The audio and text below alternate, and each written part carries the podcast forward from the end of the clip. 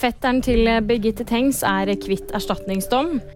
Norge fordømmer Nord-Korea. Og Universitetet i Oslo tar strømgrep.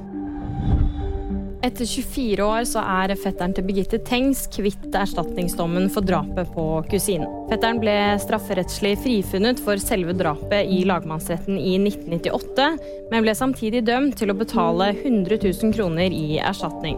I oktober så ble en ny mann, Jonny Vassbakk, tiltalt for drapet på Birgitte Tengs.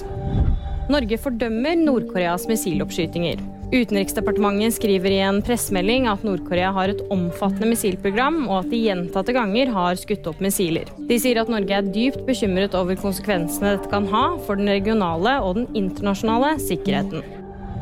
Universitetet i Oslo tar strømgrep for å kutte energiforbruket. Redusert innetemperatur, sambruk av bygninger og stengte ladestasjoner er blant tiltakene de iverksetter. Og VG-nyhetene de fikk du av meg, Kaja Marie Andreassen.